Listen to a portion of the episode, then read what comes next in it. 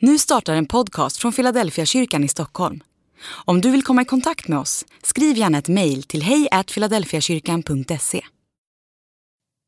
Dag 83. Den hemmavarande sonen. Men den äldste sonen var ute på fälten. När han på väg hem närmade sig huset hörde han musik och dans. Han kallade på en av tjänarna och frågade vad som stod på. Tjänaren svarade, din bror har kommit hem och din far har låtit slakta gödkalven därför att han har fått tillbaka honom välbehållen.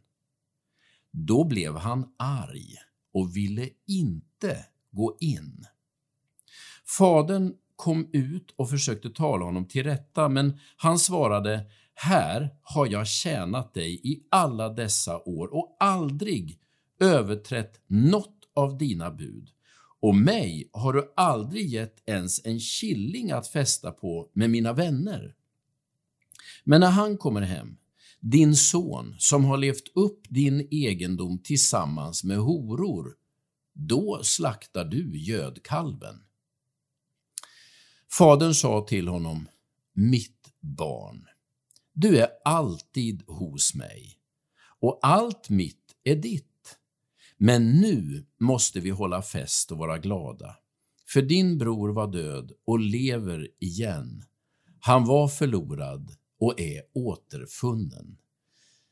Lukas kapitel 15, vers 25 till 32.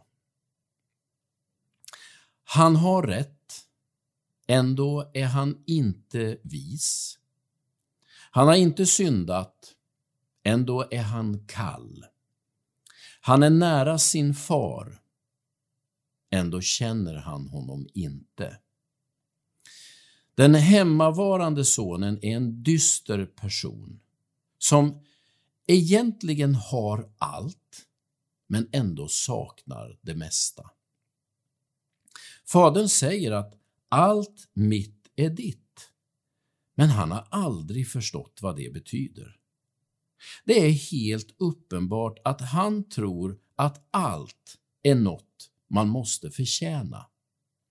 Hans besvikelse över att hans egen lydnad har gett så lite feedback talar sitt tydliga språk.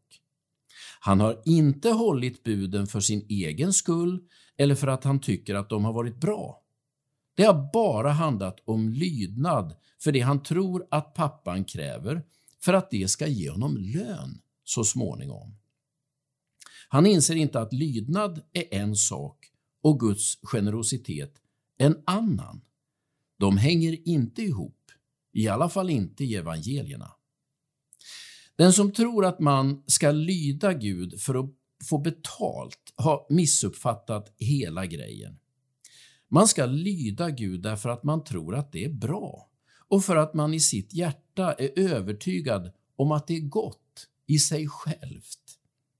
Men den som tror att lydnaden är ett krav för att man överhuvudtaget ska få något från Gud och omvänt, att olydnad alltid leder till bestraffning kan ju inte begripa den här liknelsen. Den sortens lydnad är den värsta sorten och tyvärr finns det gott om den varan. Man gör inte det man tror är rätt eller det man, har, det man i sitt hjärta uppfattar vara klokt. Man lyder bara eftersom man tror att någon annan kräver det. I, i, i dess värsta fall, fall, form skyller man dessutom på Gud. Sonen spyr ut sin besvikelse på fadern eftersom han upplever sig så orättvist behandlad. För den äldre brodern var ju allt en fråga om arbete och lön, inte om förlåtelse och nåd. Den typen av terminologi finns sällan hos lydnadsteologer. Och om den finns så är den också en form av förtjänst. Nej, liknelsen om den förlorade sonen är en liknelse som en gång för alla borde göra slut på lönetänkandet i Guds rike. Lyda Gud ska man göra på grund av övertygelse, inte i hopp om lön. Gud betalar nämligen inte ut lön. Han ger bara nåd.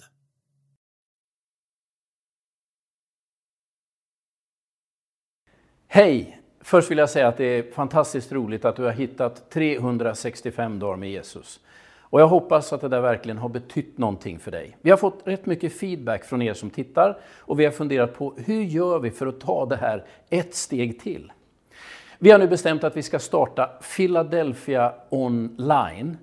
Det vill säga en community där du kan få del av våra gudstjänster, av bibelstudier, av poddar, av sådana här typer av böcker som vi ger ut. Det kommer att kosta 99 kronor i månaden för att täcka produktionskostnader. Men för de 99 kronor i månaderna så kommer du också vara med och stödja ett av våra mest behjärtansvärda missionsprojekt. Ett barnhem i Gakwende i Burundi för de absolut mest utsatta barnen. Vill du veta mer om det här, den här möjligheten så gå in på filadelfiakyrkan.se online. Gud välsigna dig den här dagen.